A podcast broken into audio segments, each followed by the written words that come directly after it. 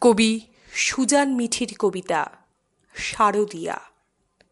পরিবেশনায় জয়িতা বন্দ্যোপাধ্যায়।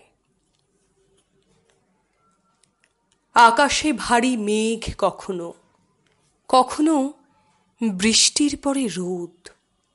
ভোরবেলায় উঠেই শিউলিতলায় ভিড় জমাই আমি, নীলু, পলি আর বুড়ি দিদি।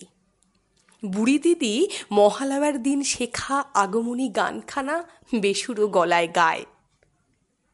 বাজলো তোমার আলোর বেনু আমরা হাততালি দিই। কোঁচর ভর্তি শিউলি কুড়িয়ে খালি পায়ে ভেজা ঘাস মারিয়ে ফিরে আসি বাড়ি। বাতাসে, মাটিতে, দিঘিতে কেমন যেন আনন্দ ভাসে। সব কিছু ভালো লাগে। পঞ্চমীর দিন বিকেলে আসে সোনাপিসি ছর্দি, আমাদের আরও দুটো করে নতুন জামা হয়। অনেক দিন আগের থেকে জমা রাখা পাকা কুমড়োর গায়ের ধুলো মুছে বের করে বাবা বলে, অষ্টমীর দিন কুমড়োর ছক্কা তোর মা যা বানায় না। চণ্ডীমণ্ডপে পটুকাকা ঠাকুর গড়ে কতদিন আগে থেকে? আমরা তাকে ঘিরে ধরি। জিজ্ঞেস করি, ঠাকুরের মুখ কখন দেখব, কাকা? কাকা বলে, দেখবে দেখবে, আর তো কটা দিন। মাটি ছানতে ছানতে কত কথা বলে কাকা। কত গল্প বলে, তার দেশের কথা বলে, তার ছোট্ট মেয়ের কথা বলে মন খারাপের কথা বলে। মা লুকিয়ে তার হাতে গুঁজে দেয় টাকা। তোর বউকে শাড়ি আর মেয়ের ফ্রক কিনে দিস, বুঝলি? পটু কাকা হাপুস নয়নে কেঁদে ফেলে। তারপর চোখ মুছে বলে, মা, তুমি সাক্ষাৎ অন্নপূর্ণা। নদীর ধারে কাশ দুলে ওঠে।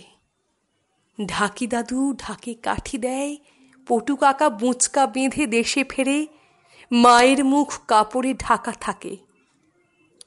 পুরুত জ্যাঠা বোধনে চক্ষুদান করবেন কাপড় সরিয়ে। ছোটকা হাসতে হাসতে মাকে বলে লিস্টিটা মনে আছে তো বৌদি? গরম গরম বোঁদে শিরির নাড়ু, ফুলকো লুচি, ঘুগনি, আর মা আমাদের সঙ্গে বসে মালা গাঁথতে গাঁথতে বলে, মনে আছে ঠাকুরপো। মা আমাদের গল্প শোনায়। দেবী দুর্গা, তিনিই উমা। এই চার দিন ছেলেপুলে নিয়ে বাপের বাড়ি বেড়াতে আসেন। খুব মজা হয় তাই সকলের এই চার দিন। আমি বলি, যেমন করে পিসি, দিদিরা আসে, তেমন। আমার ছোট বোন টুসি মাকে জড়িয়ে ধরে বলে, মা, তোমার বাপের বাড়ি নেই? উমার মতো তুমি কেন যাও না? মায়ের চোখের কোণে জল চিকচিক করে ওঠার আগেই বাবা এসে মাকে বলে, বুঝলে গিন্নি, কদিন জমিয়ে ঘুম দেব, ভালো মন্দ খাব আর ঘুম। এমন ছুটি, আহা! ঘাসে ঘাসে ছোটাছুটি, মাইকে পুজোর গান, ঢাকের আওয়াজ, নতুন পোশাক, পিসি, দিদিদের গয়না শাড়ির চকচকে খুশি, বাবার ঘুম, কাকার খাওয়া, আমাদের পটকা আর মায়ের ঘাম। সব কিছু মিলে মণ্ডপে অপেক্ষা করছে। পুরুত জ্যাঠা বোধন শুরু করবেন এইবার। ধীরে ধীরে সরিয়ে ফেলেছেন কাপড়। চোখ ফেটে বেরিয়ে আসছে বাবা, কাকা, পিসি, দিদি আর আমাদেরও। মা দুর্গার মুখে আমার মায়ের মুখ। পটু কাকা বলেছিল, তুমি মা, অন্নপূর্ণা মা। আমার ছোট বোন মায়ের আঁচল টেনে জিজ্ঞেস করছে উমা দুর্গার আর এক নাম বুঝি অন্নপূর্ণা? ওমা, বলো না। মা দুর্গাই অন্নপূর্ণা।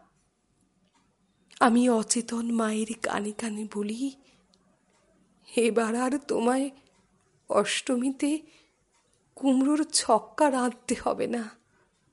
তাই না মা?